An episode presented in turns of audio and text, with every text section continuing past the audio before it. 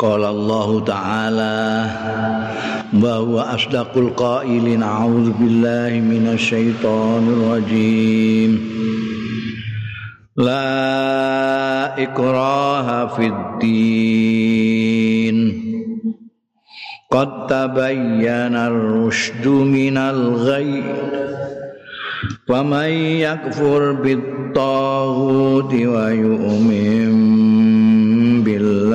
faqad istamsaka bil urwatil wusqa. Lam fisama laha. Wallahu samiun alim. La ikraha ora ana paksaan iku mawujud fitine ing dalem agama. Maksude ing dalem mlebu agama. Kota bayana teman-teman bos pertelo pak arustu sing bener.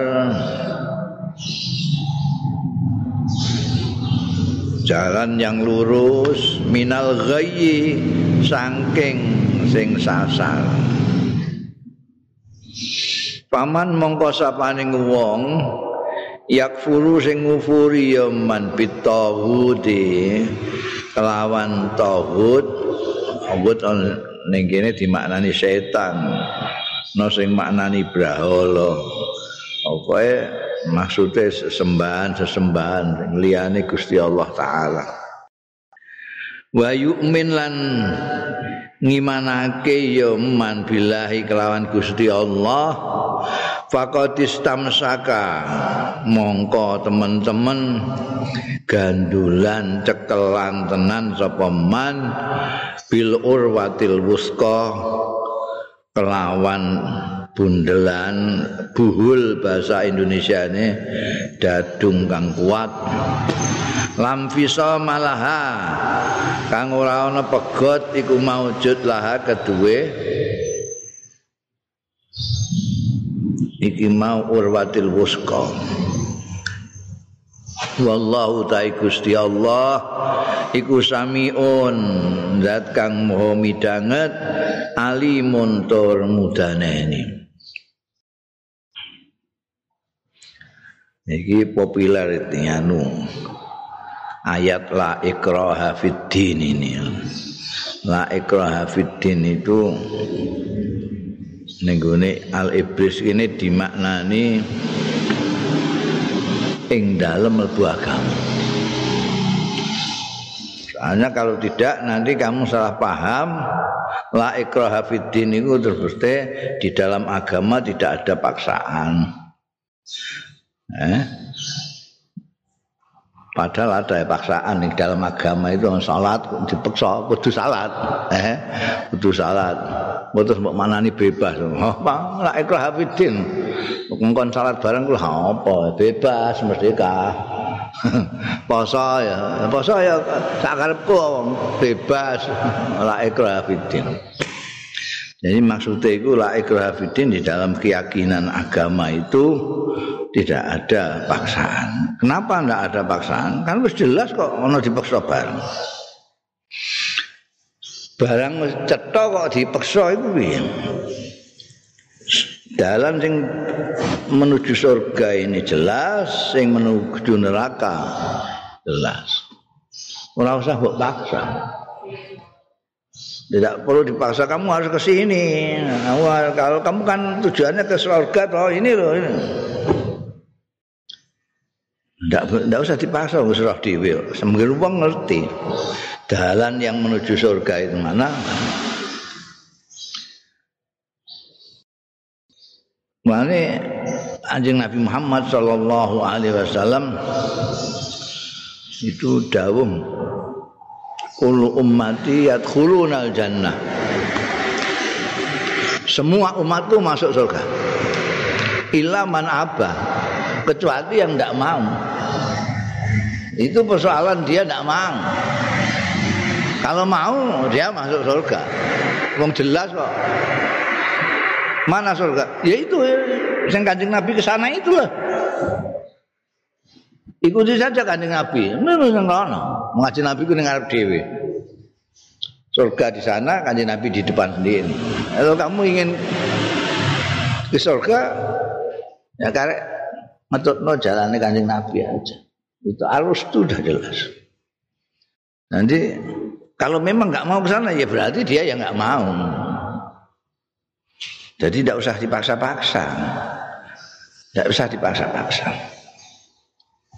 Orang yang sudah apapun yang ada jalan ke sana, mana itu? Itu tidak bisa mempengaruhi orang yang sudah tahu bahwa jalan ke surga itu ke sana. Lha iku ana wong hebat-hebat rono kabeh. Ya ben. Orang yang sudah yakfur bitauhid wa yu'minu billah faqad istamsaka bil urwatil wusta. Ibaratnya ini jalan menuju ke sana, ini jalan ke neraka, jalan ke surga. Jalan keselamatan, jalan ciloko. Orang kalau tidak tidak mau dengan yang macam-macam iman kepada Allah Subhanahu wa taala percaya sekali dengan Allah berarti sudah orang bakal kejegur ini sesuatu yang mencelakakan dia. Qadistam saka bil urwatil usqa kenceng cekelan yang bikin kenceng cekelan ini karena imannya kepada Allah dan tidak mau pada yang lain. Nah ini yang repot. Kadang-kadang kita mengaku iman kepada Allah tapi masih tidak yakfur bitahun masih rodok condong ke sana condong ke sini eh? tidak yakfur bitahun imannya kepada Allah tidak sempurna imannya terus Allah sempurna ya tidak peduli sudah jelas kok kata bayana rusdun minal ada ya. Lah kok dipaksakan itu apa? Wong agama dipaksakan wong wong yang menentukan keyakinan orang itu Allah. Jadi bukan kita, bukan dakwah kita, bukan. Jadi Allah itu mempunyai hak prerogatif di dalam menentukan orang ini iman atau tidak. Itu hak prerogatif. Itu yang kadang-kadang kita lupa. Karena apa? Karena kita diperintahkan untuk ngajak orang ke surga. Kita diminta untuk dakwah, mengajak orang baik. Tapi dalam rangka kita mengajak itu kadang-kadang kita terlupakan. Seolah-olah dakwah kita itulah yang membuat orang baik. Tidak benar.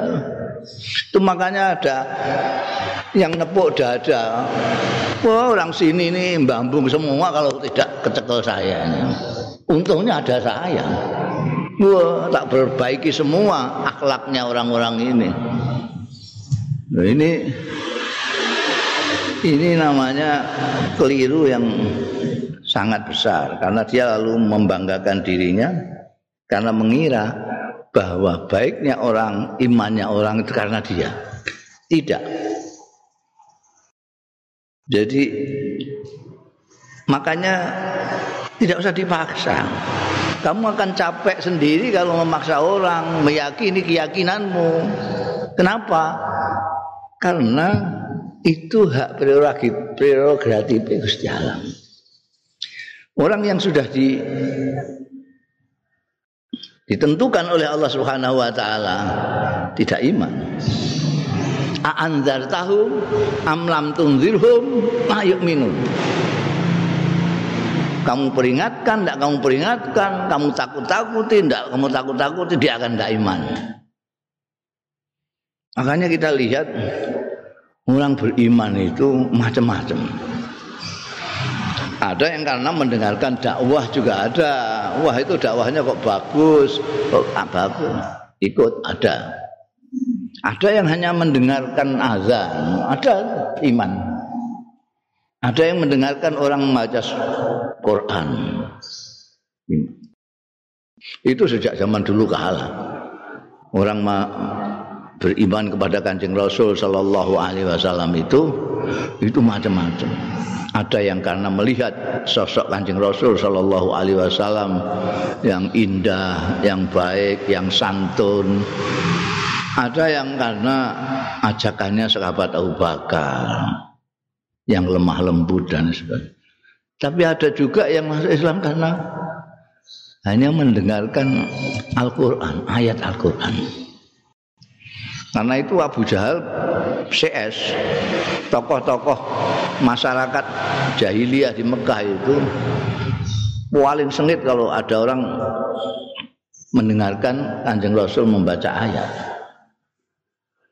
Karena dia mempunyai keyakinan ini kalau dia mendengar Kanjeng Nabi dia akan ikut. Ini juga salah juga. Kemudian mendengarkan juga tidak ikut gitu kok. dia kan mendengarkan. Dia tahu bahwa yang disampaikan kanjeng Nabi itu menarik, itu tahu. Supaya orang-orang tidak tertarik kepada kanjeng Nabi, dia melarang orang-orang mendengarkan kanjeng Nabi. Nah, tapi dia yang mendengarkan dan tahu bahwa itu menarik, kok dia tidak ikut? Ini yang orang banyak yang tidak paham itu. Ada hidayah itu ada dua. Huda, hidayah, tidak. Itu pemakaiannya ada dua. Yang satu untuk kita, antar kita. Jadi kalau kamu menunjukkan kepada orang ini loh jalan yang benar itu ke sana. Kamu kan mau ke Jakarta tuh, ini ke sana ini terus itu hidayahmu satu tapi ada satu hal lain yang sering kali dilupakan orang. Orang yang sudah kamu beritahu bahwa Jakarta itu ke sana, itu belum tahu dia, belum tentu dia ke sana. Belum tentu dia ke sana. Kenapa? Karena ada hidayah satu lagi, yaitu hidayah yang hak prerogatifnya Allah Subhanahu wa taala. Saya berkali-kali mencontohkan kita ini orang yang tidak menangi sahabat. Negara-negara lain seperti Pakistan, India, Iran, bahkan yang ke sana itu sampai hampir ke Eropa itu Spanyol kan. Itu menangi, mengalami hidupnya para sahabat, santri-santrinya kanjeng Nabi Muhammad sallallahu alaihi wasallam kita itu konon tidak menangi. Jadi sudah habis sahabat, tinggal tabiin. Gitu. Tapi kita itu yakinnya kepada Allah Subhanahu wa taala, iman kita tidak kalah dengan negara-negara yang lain. Bagaimana itu terjadi? Padahal di sini kalau lihat peninggalan-peninggalan itu kita itu peninggalannya itu yang kuno-kuno. Itu tidak ada peninggalan masjid. Ada peninggalan masjid itu baru tahun abad ke-13 atau 14 itu. apa ke-15 malah yaitu Masjid Demak. Sebelumnya itu udah ada kuil-kuil udah ada candi-candi semua. Yang menunjukkan bahwa ini orang kita dulu bukan orang-orang beriman. Menurut sejarah konon kabarnya yang mengislamkan kita ini pedagang-pedagang. Pedagang-pedagang yang zuhud, yang sufi. Pedagang kok bisa ngimankan kita itu gimana? Lu bukan soal pedagang, bukan soal sufi, bukan soal dai, bukan soal ustadz, bukan soal kiai. Karena ada ketentuan yang tidak bisa tidak yaitu Allah Subhanahu wa taala. Sekarang bandingkan kita yang jauh luar biasa, jauh sekali. Kita paling jauh dengan Pakistan, India. jauh dari Madinah, jauh dari asal usulnya Islam. Jauh dari kanjeng Nabi Muhammad Shallallahu Alaihi Wasallam jauh sekali, jauh sekali. Apalagi ini lebih jauh lagi, paling ngetan kono Papua, lebih jauh lagi. Ini paling wetan sendiri. Jauh. Kita mau ke sana itu tempatnya Rasulullah Shallallahu Alaihi Wasallam pakai pesawat jet itu masih 9 jam masih 9 jam itu kalau nggak mampir-mampir 12 9 jam kalau naik kapal laut ya bisa 17 harian 17 hari lebih dari setengah bulan jauh kan itu dari segi jarak jarak tempuh jauh sekali. Dari segi darah, wah tambah jauh lagi, tambah jauh lagi. Eh? Paling-paling yang ke sini itu bukan dari asli dari sini, asli dari Yaman yang ada darahnya kanjeng Nabi itu. Eh? Yang sekarang terkenal disebut habaib habaib itu, itu dari Yaman. Gak aman. Jadi kalau umumnya kita ini jauh sekali. Jadi jarak apa secara ilmu bumi jauh sekali dari segi darah jauh sekali dari segi budaya adat istiadat jauh sekali jauh sekali kita itu misalnya kepala ini sakral sekali. Tidak boleh diobok-obok. Anak kecil kalau mau berkelahi itu yang ngedu itu. Anak-anak gede yang ngedu. Kalau berani pegang hidungnya. Nanti kalau berani megang hidung jadi kelahi sungguh. Karena ini dijaga betul kesakralannya. Tapi di sana tempatnya kanjeng Nabi sana ini diobok-obok itu biasa.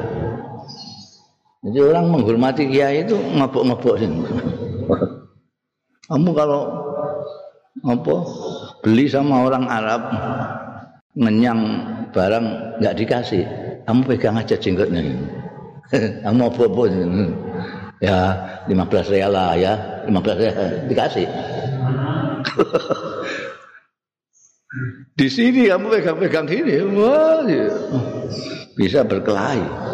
Sebaliknya di sana yang sakral itu pantat. Jangan sampai kamu nyentuh pantatnya orang Arab, ngamuk. Ini contoh kecil saja perbedaan adat istiadat. Belum yang lain-lain bahasanya jauh sekali. Jadi sampai harus mencarikan penalaran bagaimana kita ini kok ikut kanjeng Nabi Muhammad Shallallahu Alaihi Wasallam. Sementara dari segi apa pun kita itu jauh sekali dari kanjeng Rasul Shallallahu Alaihi Wasallam. Sementara ada orang yang paling dekat, tidak ada yang dekat melebihi orang itu. Ada orang yang sangat dekat sekali. Bagaimana tidak dekat? Rumahnya tetanggaan sama kancing Nabi Muhammad Sallallahu Alaihi Wasallam. Berarti jarak sampai sembilan jam untuk ke sana sembilan jam. Dia jalan gitu saja rumahnya tetangga. Orang ini tetangga pet. Nah, Rasulullah Sallallahu Alaihi Wasallam. Ini dari segi jarak. Dia dari segi darah. Dia itu dekat sekali dengan kanjeng Nabi karena dia kakaknya ayahnya kanjeng Nabi Muhammad Sallallahu Alaihi Wasallam. Dia itu kakaknya Sayyidina Abdullah. Sayyidina Abdullah itu ayahnya kanjeng Nabi Muhammad Sallallahu Alaihi Wasallam. Berarti dia ini paman cer, paman betul dengan kanjeng Nabi Muhammad Sallallahu Alaihi Wasallam. Tetangga dekat, paman betul-betul paman kakaknya ayah. Dah. Dia ini berbesanan dengan kanjeng Nabi dua anak, bukan satu anak. Kalau besanan satu anak itu kamu neng pondok bareng-bareng terus besanan nanti besanan ya betul sebetulnya terus karena punya anak laki sini punya anak perempuan biasa itu besanan antar kawan dengan satu. Ini dua.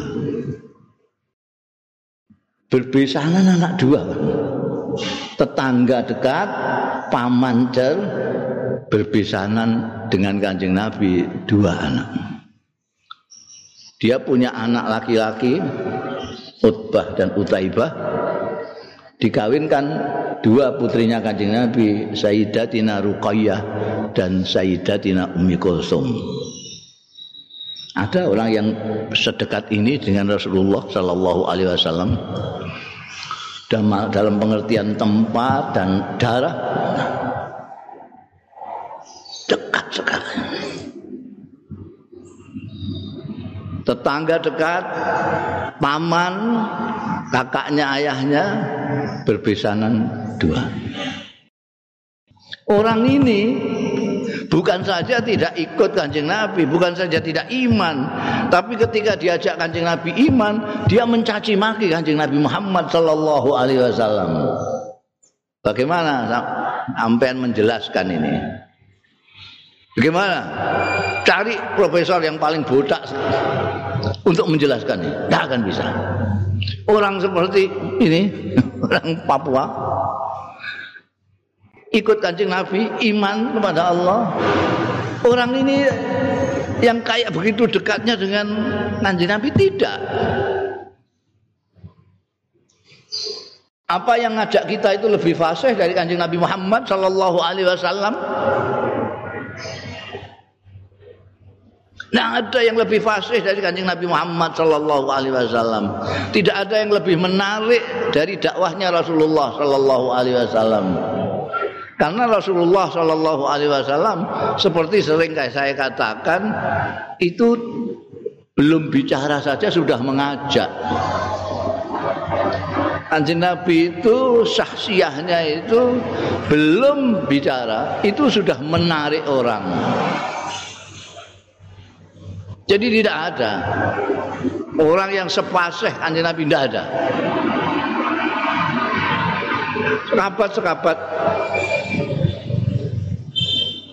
unggulan sekabat-sekabat dekatnya Rasulullah Sallallahu Alaihi Wasallam seperti Sayyidina Abu Bakar, Sayyidina Umar, Sayyidina Utsman, Sayyidina Ali itu fasih juga berbicara, tapi tidak bisa seperti kanjeng Nabi Muhammad Sallallahu Alaihi Wasallam. Lah ini orang yang saya ceritakan, orang yang dekat sekali dengan Rasulullah Sallallahu Alaihi Wasallam. Ketika diajak kanjeng Nabi untuk iman kepada Allah, bukan hanya tidak mau, tapi mencaci. Tabban ya Muhammad, alihada jama'tana. Ya sini ya kurang ajar kamu. Orang tua-tua kamu kumpulkan di sini hanya kamu suruh percaya kepada Allah yang satu. Sampai apa pangeran pirang-pirang si tok tok parah.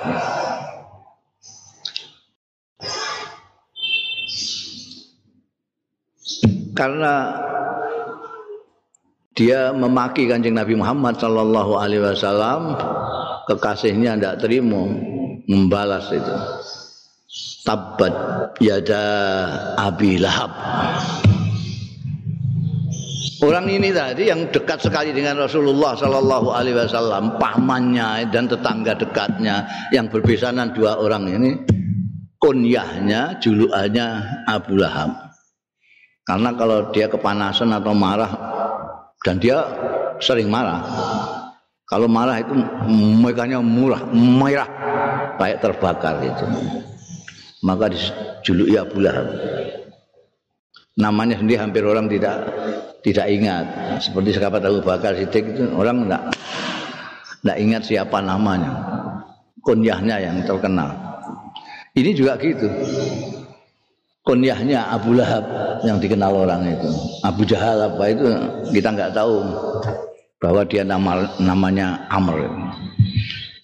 Abu Lahab namanya Abdul Uzza, tidak ada yang tahu.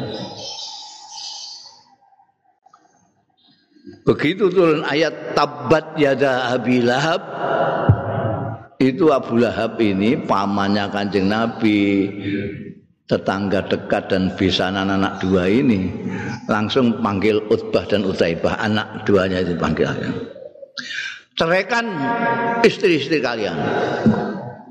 Kalau tidak? Tidak saya akui anak. Maka Sayyidatina Ruqayyah dan Sayyidatina Ummi Kulsum diceraikan oleh Utbah dan Utaibah Kelak kemudian hari Sayyidatina Ruqayyah dikawin oleh Sayyidina Utsman bin Affan. Ketika waktu zaman perang Badar, Sayyidatina Ruqayyah kapundut. Sayyidina Utsman ngeduni kawin dengan adiknya yaitu Sayyidatina Ummi Kulsum. Jadi Sayyidatina Ruqayyah dan Ummi Kulsum itu janda dari anak-anaknya Abu Lahab. Kembali kepada pertanyaan tadi, orang yang sedekat itu bagaimana dia tidak iman dan tidak ikut anjing Nabi? Sementara kita ini yang potongannya begini ini tidak menangi sahabat zaman sekali. Apalagi kanjeng zaman kanjeng Nabi lah ini. Kita ini. Inilah yang dinamakan hak prerogatif hidayah Allah Subhanahu jadi jangan maksa-maksa orang. Ngajak itu kewajiban kita. Ajak. Tapi maksa bukan. Kalau kamu ngajak itu benar karena kamu melaksanakan perintah. Tapi kalau maksa, kamu bertentangan. Bertentangan dengan firman la ikraha fiddin.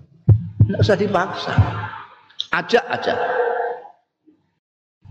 Ini kalau kamu nanti jadi ustadz, jadi mubalik, jadi dai ini harus selalu diingat. Kalau tidak, kamu nanti bisa bangga kalau kamu ngajak orang baik jadi baik. Kamu akan mangkel, kecewa kalau ngajak orang baik tidak mau. Tapi kalau kamu melandasi bahwa saya ini sekedar menjalankan perintah, sekedar ingin supaya kawan saya bahagia seperti saya. Kawan itu mau bahagia bersama saya atau tidak itu urusannya Gusti Allah. Jadi la ikrah Tidak usah maksa-maksa. Cuma ini harus diingat terus ya. Karena banyak sekarang orang itu orang itu karena semangat keberagamaannya yang luar biasa. Dan itu menjadi tren zaman sekarang ini. Enggak mau ngaji atau ngaji sebentar terus berhenti sudah mulai ngiai. Jadi ngajak orang kalau enggak mau terus ngamuk-ngamuk. Ngajak orang enggak mau ngamuk itu. Terus marah kepada orang yang sesat. Ada orang mau ke Surabaya. Ngulon. Itu namanya sesat. Sesat yang baik ini. Dolan baidan itu orang mau ke Surabaya kok ke barat itu namanya dolalan baidan jauh kalau mau ke Surabaya menceng idul itu masih lumayan sasarnya itu enggak begitu baik. Tapi kalau ke sana sesat. Apa yang kamu lakukan kalau kamu ketemu orang yang sesat seperti itu? Wajibkan kita kalau kita baik dengan orang kita katakan sampean itu keliru mas, sampean harus putar balik. Surabaya itu sana, sampean keliru. Dia tidak mau, Terus sampai taboki. Goblok orang sesat kamu. Sesat kamu ini bento. Apa begitu? Ah. Karena yang ngatur sini ini sama sini ini Gusti Allah. Bukan kita. Kita hanya memberikan masukan. Silahkan kamu terima enggak. Oh enggak bisa. Sana saya sudah membaca peta. Sudah segala macam. Kalau saya pengalaman ini, jangan sampai ngajarin ini. Saya itu akan ke sana sekarang. Terus sampean juga waktu mau sawat no. Enggak bisa. Ya sudah. La ikrah fiddin. Qad tabayyana rusdu kita aja yang cekelan imanan kita itu dengan sungguh-sungguh supaya tidak terjatuh. Ini pegangan kalau masih ada iman-iman sedikit sama tauhid tidak yakfur bi tauhid wah itu yang bahaya. Jadi kita harus yukminu billah dan mengufuri tauhid itu selain Allah itu. Supaya kita terjaga tidak sampai tergelincir itu tadi tergelincirnya bisa macam-macam. Allah itu maha mendengar maha mengetahui ya, itu. Dan maha semauan ada terserah Gusti Allah orang yang seperti itu dikasih hidayah ya terserah Gusti Allah Lah kok ada orang yang ngamuk-ngamuk? Apa Gusti Allah perso? Perso. Gusti Allah samiun alim. Tahu. Tahu nanti itu hambanya ada yang modelnya kayak gitu itu tahu. Suka maksa-maksa ya. Nanti kalau suka maksa-maksa itu akhirnya terus diam-diam tanpa disadari dia itu terus mempersonifikasi dirinya dengan Allah. Jadi seolah-olah kalau dia mangkel, Gusti Allah mangkel. Nah, dia ngajak orang, orang lain tidak mau, dia mangkel, ya Gusti Allah mesti mangkel ini. Ketara aku mangkel. Wah itu bahaya itu. Bisa sirik halus ini. Ya. Ini harus wa yu'min billah ini. Ini kuncinya. Yakfur bitauhud wa yu'min billah. Itu supaya kita selamat. Istimsak bil urwatil wuska lan fisamalah itu artinya ini bisa menyelamatkan kita itu keimanan kita itu. Allahu waliyul ladzina amanu yukhrijuhum minal zulumati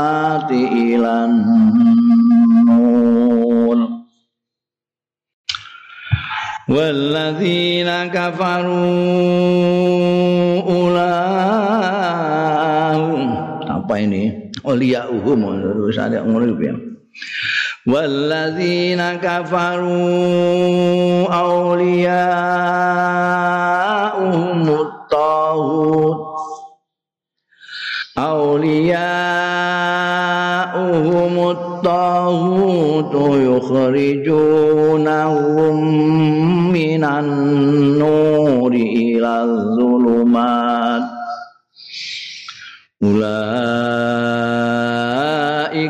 ashabun nar hum fiha khalidun Allahu ta Gusti Allah iku waliyul ladzina amanu Iku ning kene manane zat kang nulungi alladzina amanu ing wong-wong sing iman. Oh. Artinya wong sing nulungi iku penolong.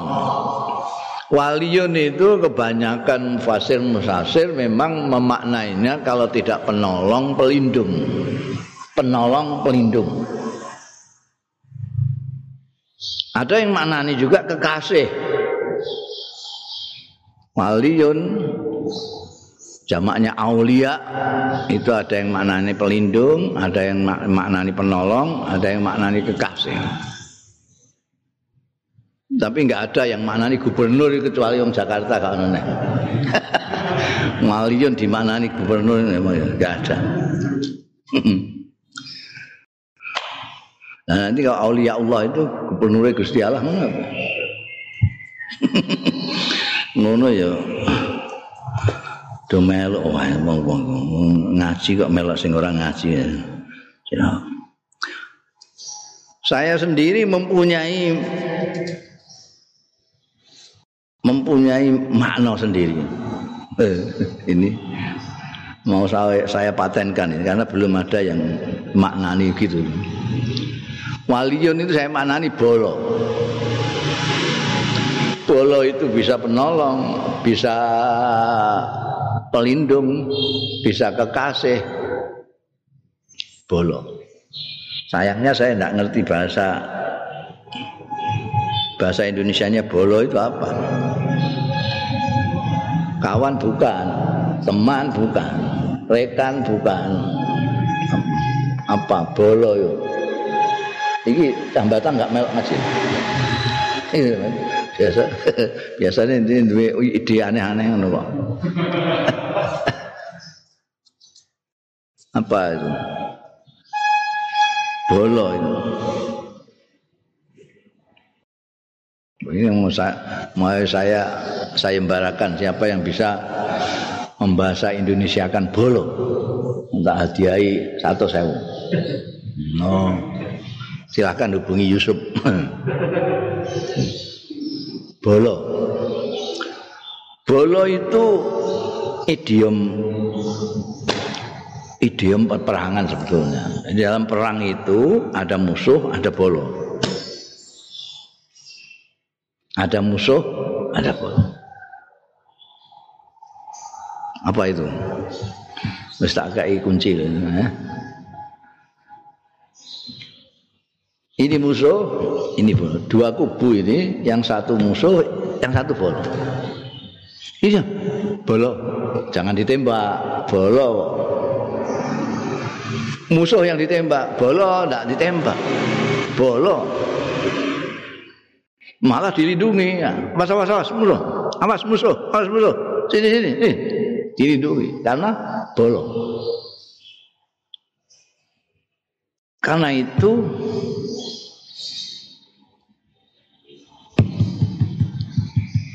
bolo-bolo nih Gusti Allah ini itu tidak punya ketakut, tidak punya susah karena bolone Gusti Allah. Allah inna auliya Allahi la khaufun alaihim balahum yahzanun. bolo-bolo ini Gusti Allah apa yang ditakuti la khaufun alaihim tidak ditundukkan oleh ketakutan malahum ya la khaufun alaihim itu tidak tertundukkan oleh rasa takut orang itu mungkin hampir semuanya punya ketakutan tapi ada yang tunduk dengan ketakutannya ini ada yang tidak ada yang dikalahkan oleh rasa takutnya ini seperti koruptor-koruptor itu. Dia takut melarat, maka dia korupsi karena takutnya menguasai dia, mengalahkan dia. Tapi kalau wali-wali itu melarat kaya apa?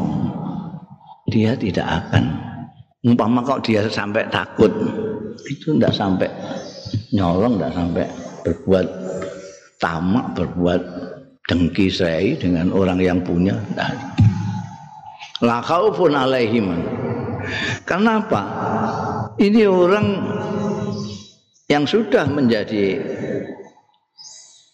walinya Allah balani Gusti Allah itu malaikat-malaikat malaikat itu selalu ikut Gusti Allah Gusti Allah itu berselawat kepada kanjeng Nabi Muhammad Sallallahu Alaihi Wasallam.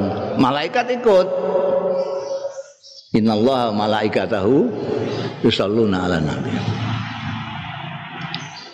Gusti Allah itu malaikatahu yusalluna yukhrijukum minadz-dzulumat ila nur. Itu malaikat. Ketika Allah mengasihi membalani membalani hambanya malaikat ikut-ikut mereka mengatakan nahnu aulia hukum fil hayati dunya wa fil akhirah. Jadi wali-wali itu bolo-bolone Gusti Allah itu ya ndak akan takut, ndak akan khawatir, ndak akan susah. Karena apa? Balani Gusti Allah, dibalani malaikat. Ya, itu saya maknanya walian. Dan ini sudah saya ucapkan di mana-mana belum ada yang bantah. Berarti benar saya. walian. Ini kan terbuka saya ngomong terbuka berarti silahkan mau mau tidak setuju. Saya maknani bolong. Kenapa? Karena ada hadis yang yang menyebutkan apa apa itu yang siapa yang berani dengan auliaku maka aku akan mengumumkan perang kepada itu apa anunya apa itu? Kalimat Arab itu Hah?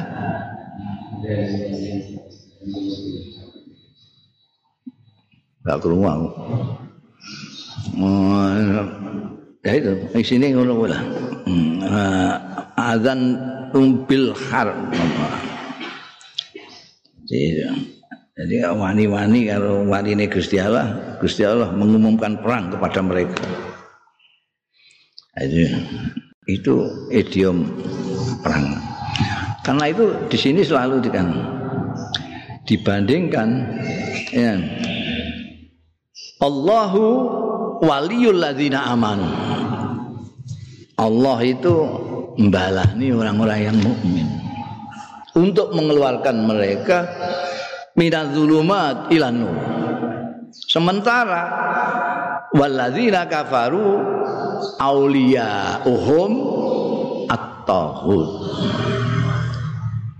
Kalau tagut ya yukhrijunahum minan nur ila zulumat kebalikannya, kebalikannya. Mereka ini ulaika ashabun nar ya khalidun.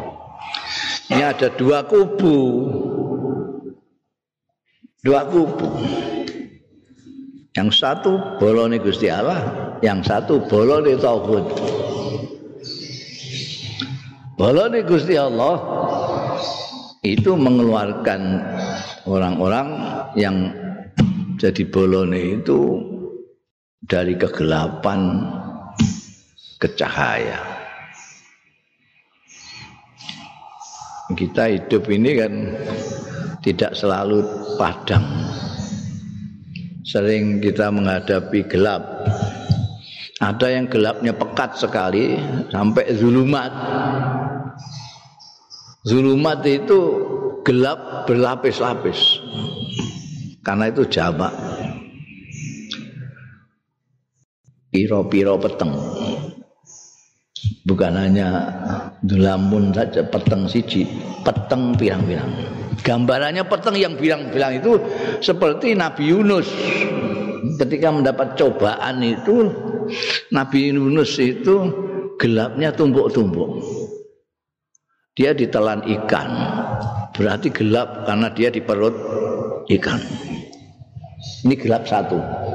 Peteng nih di kena kepengen jajal merbunin cangkem iwaknya di dalam gelap sekali.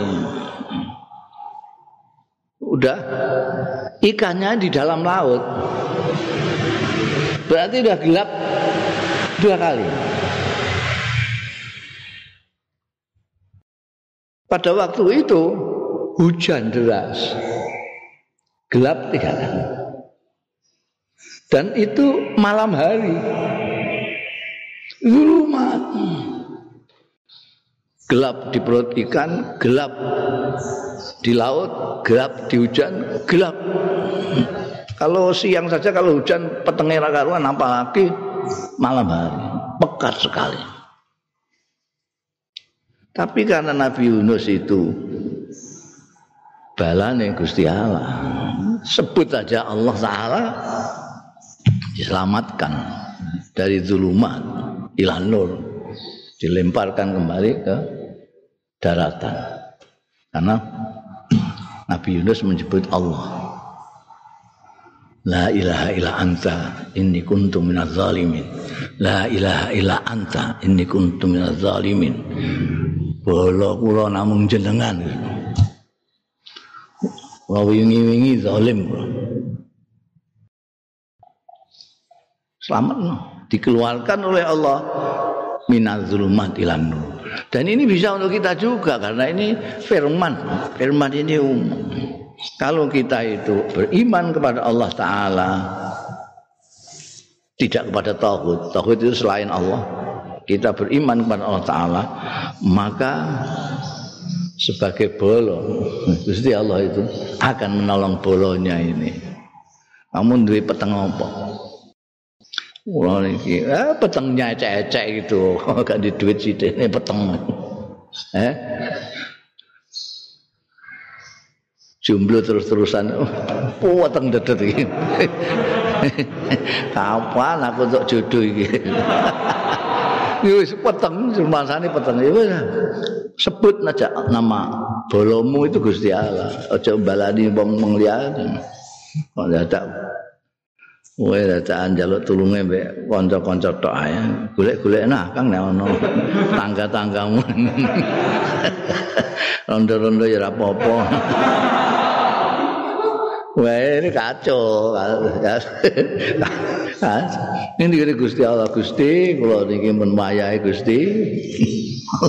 Allah malah tazar di fardan. Bro kok ijen mawon jomblo terus nih. Nanti akan yukhriju minadzulumati lan nur, peteng hilang. Gak di duit peteng hilang. Oh, itu ya itu syaratnya ya itu jadi balani Gusti Allah.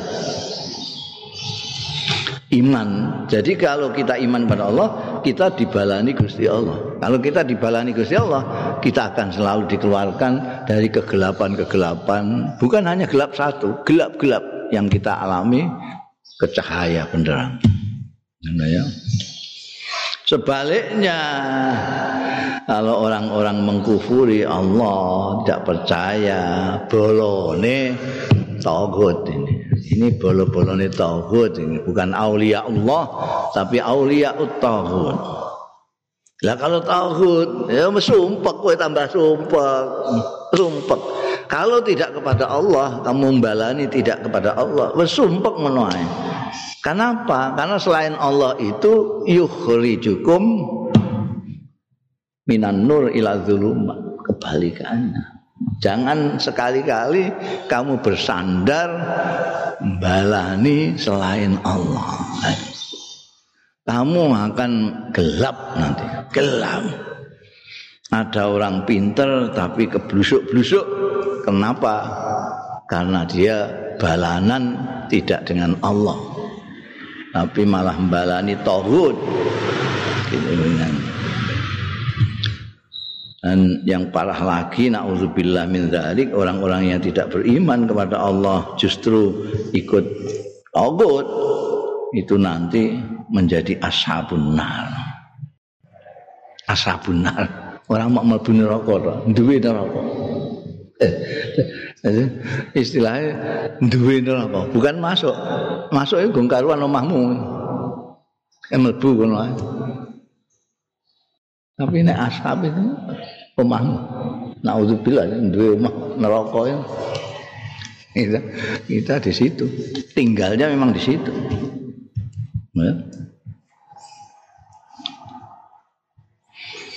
Alam tara ilal ladzi hajja wallahu alam